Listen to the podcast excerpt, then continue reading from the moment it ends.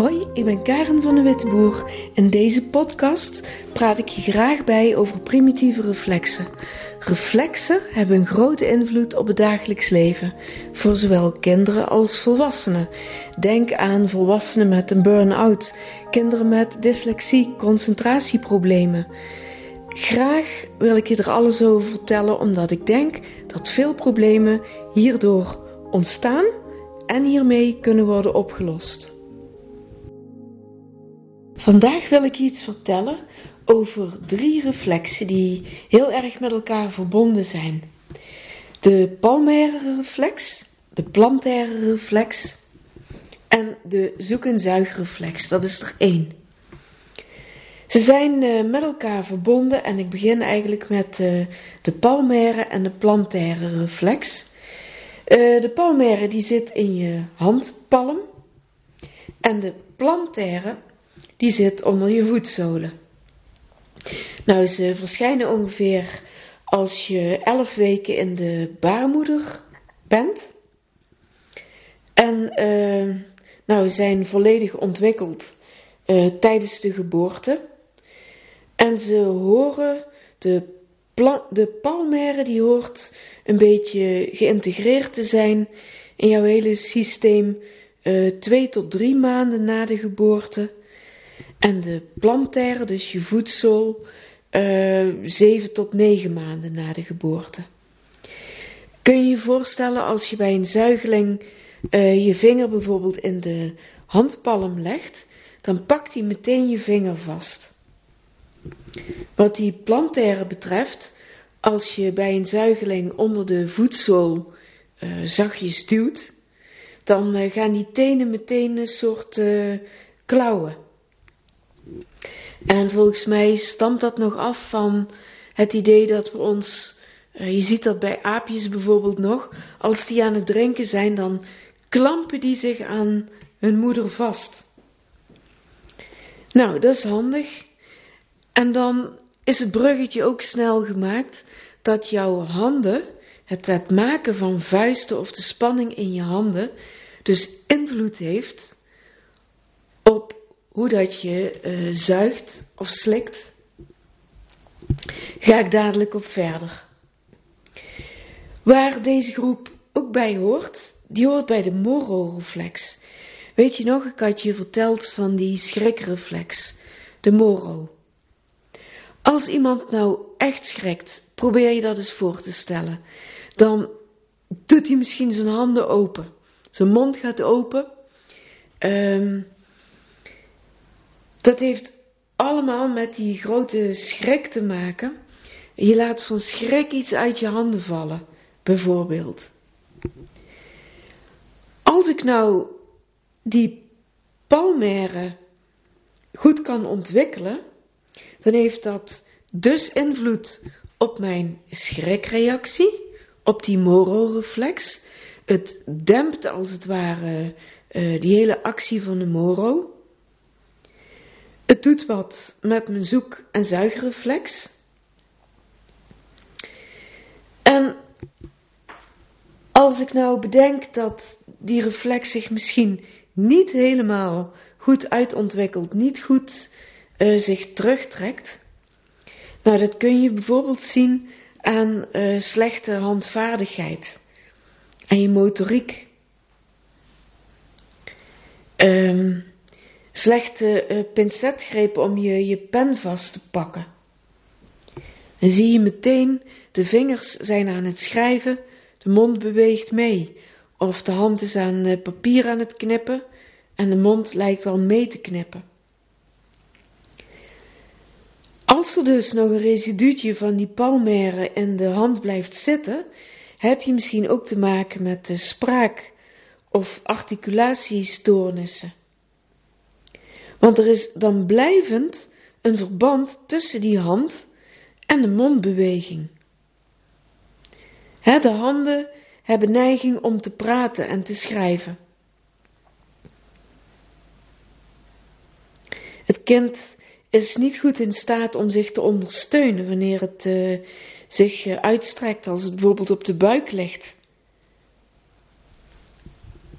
Nou, een ongunstig effect van uh, die onafhankelijke spierbeheersing aan de voorkant van de mond, dat is misschien nog het, uh, het grootste probleem. Er zijn ook kinderen die de hele tijd aan het smakken zijn of uh, van die klakgeluidjes met de tong. Als ik denk aan de plantaire reflex, dus die reflex onder je voetzolen, uh, daarmee leer je eigenlijk spontane bewegingen. Uh, voeten en tenen worden geoefend. Kun je je voorstellen als je baby uiteindelijk op handen en knieën is, dat dan de tenen zich eigenlijk afzetten tegen de grond, oftewel de voetzool wordt gestrekt en dan krijg je een neiging naar voren toe. Misschien is dit wel dat jou meehelpt om je eerste kruipbeweging te gaan maken. Als er nog een, eh, een restantje zit, een residu zit van die uh, plantaire reflex, dan is het lastig voor je om te aarden, om je goed geaard te voelen. Gewoon onzekerheid met betrekking tot uh, de zwaartekracht. Het zou zomaar kunnen dat kinderen dan op hun tenen gaan lopen. Als ik dit dan weer link aan die zoek- en zuigreflex, die ken je misschien als je een baby uh, aanraakt op de wang. Gaat onmiddellijk uh, de mond daar naartoe gedraaid. Uh, baby gaat zoeken en die gaat op je vinger zuigen. Dan ontstaat ook de eerste slikbeweging. Zo zie je dat deze reflexen met elkaar verbonden zijn. En ze maken je gevoelig in het gebied van je mond. Zijn uh, misschien mensen die steeds de behoefte hebben om iets in hun mond te doen. Of die moeten ergens op kauwen of zuigen of op, op sabbelen. Uh, kleuters die gewoon hardnekkig blijven kwijlen. De tong is te ver voor in de mond. En dat heeft als resultaat dat je lastig op vast voedsel kunt kauwen. Het is ook een uh, gebrek aan een volgroeide uh, slikbeweging. Nou, er kan best veel met spraak- en articulatieproblemen uh, samengaan.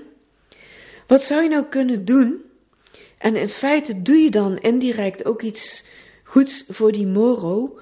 Uh, je kunt kinderen bijvoorbeeld uh, vingers, rechterhand, linkerhand, ene hand knijpt samen, andere hand strekt de vingers uit en dat wisselt zich af. Dat kun je ook zo met de tenen tegelijkertijd laten doen. Dus kinderen op blote voetjes, als die op de grond liggen, dan gaat bijvoorbeeld bij de rechtervoet, die gaat klauwen en de linkervoet strekt de tenen uit. En dat laat je zo afwisselen. En ditzelfde geldt natuurlijk dan ook wat ik net vertelde over de handen. En wonderlijk dat dan zomaar die mondmotoriek daarin kan verbeteren.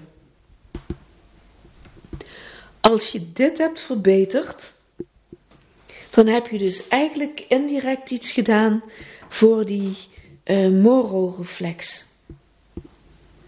En alles samengevat, het helpt je om te aarden. En als je dat kunt, dan kun jij focus bewaren.